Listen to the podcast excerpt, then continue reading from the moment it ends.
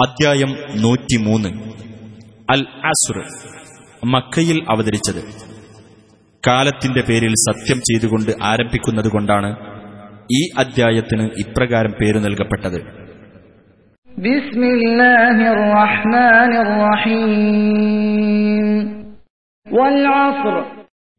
കാലം തന്നെയാണ് സത്യം.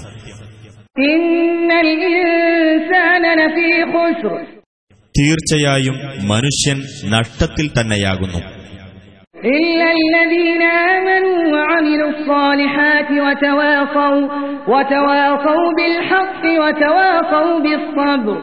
വിശ്വസിക്കുകയും സൽക്കർമ്മങ്ങൾ പ്രവർത്തിക്കുകയും സത്യം കൈക്കൊള്ളാൻ അന്യോന്യം ഉപദേശിക്കുകയും ക്ഷമ കൈക്കൊള്ളാൻ അന്യോന്യം ഉപദേശിക്കുകയും ചെയ്തവരൊഴികെ.